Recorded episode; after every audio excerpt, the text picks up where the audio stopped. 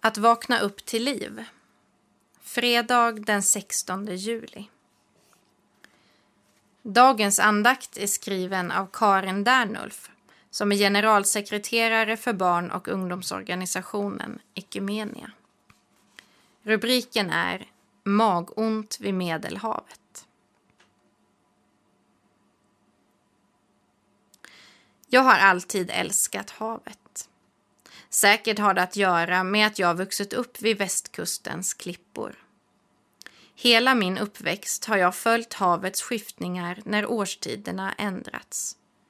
Kanske har det också att göra med att havet varit ett vittne till så många viktiga stunder i mitt liv. Mina första simtag, grillkvällar med vänner och den första trevande kyssen. Det är som ett särskilt band mellan mig och havet. När jag inte är nära längtar jag alltid dit.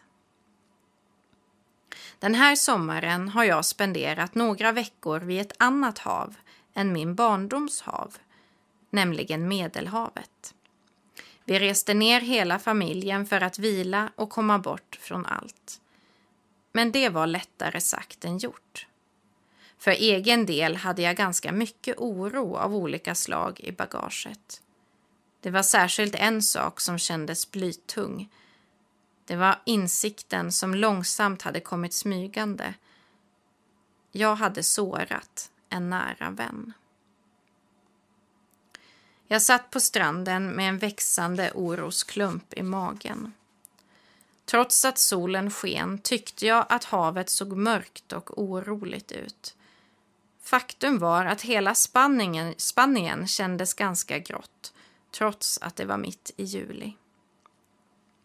Jag började fundera på vad jag skulle göra. Skulle jag höra av mig?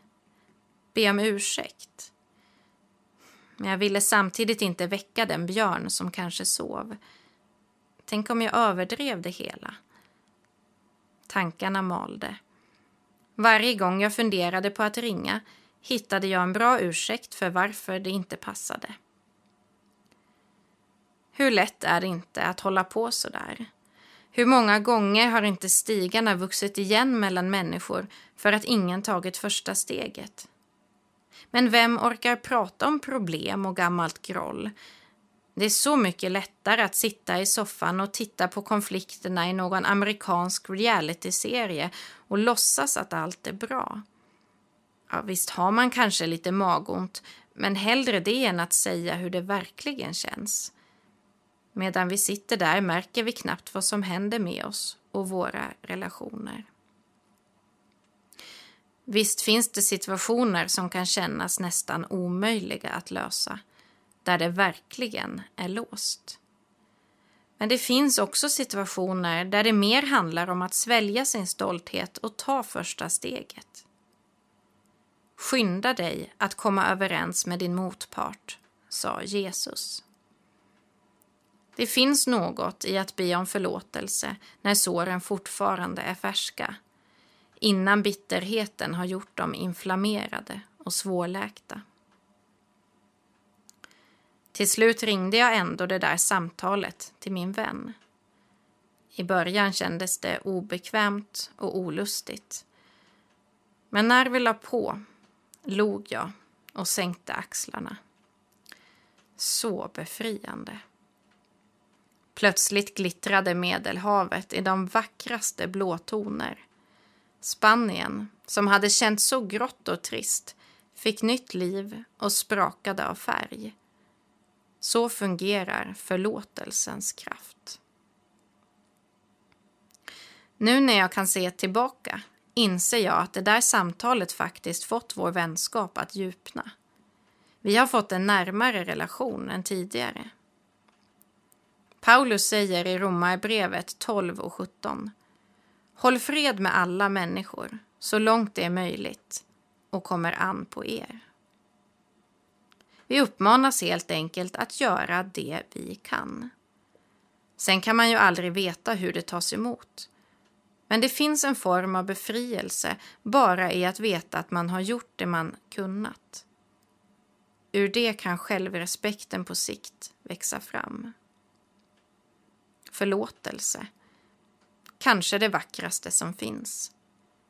För att inte tala om nåden att få fortsätta sin resa med lättare packning.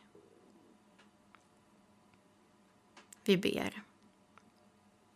Herre, du känner våra liv. Du vet vilka vi tänker på idag. Hjälp oss att hitta vägar till varandra där stigarna vuxit igen. Tack för din famn, full av nåd, som innesluter oss i din kärlek. Amen.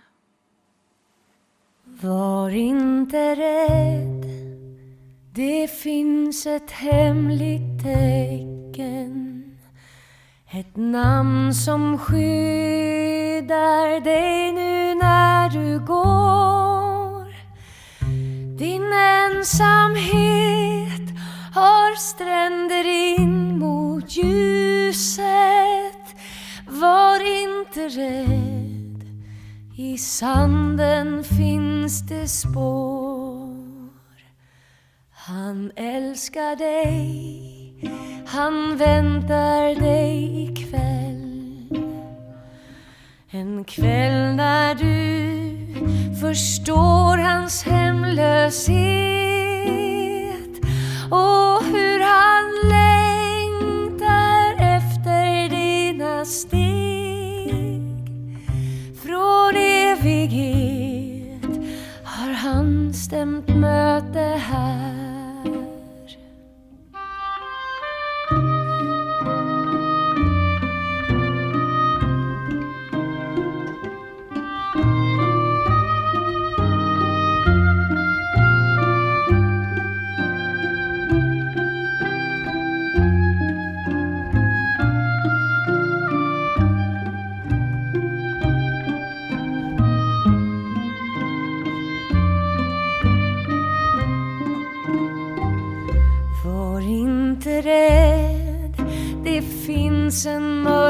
mörklagd hamn.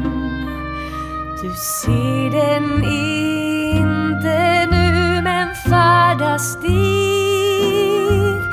En dag ska du bekänna högt hans namn. Hans kärleksfrid som ingenting begär. Du är på väg,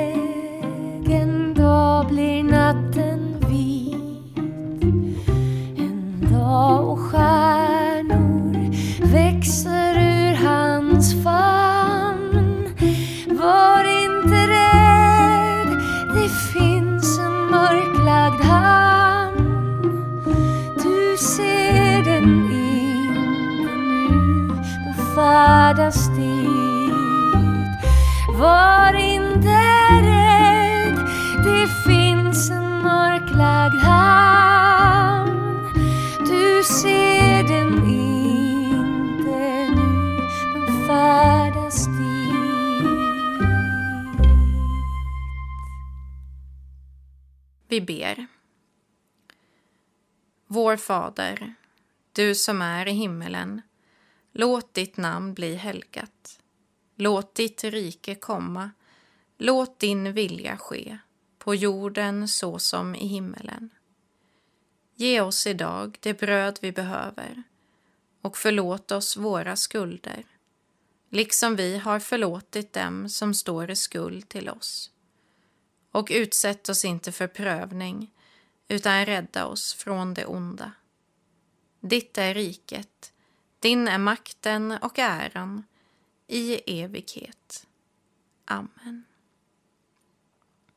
Ta emot Guds välsignelse. Herren välsigne dig och bevare dig. Herren låter sitt ansikte lysa över dig och vare dig nådig. Herren vände sitt ansikte till dig och give dig frid. I Faderns, i Sonens och i den helige Andens namn. Amen.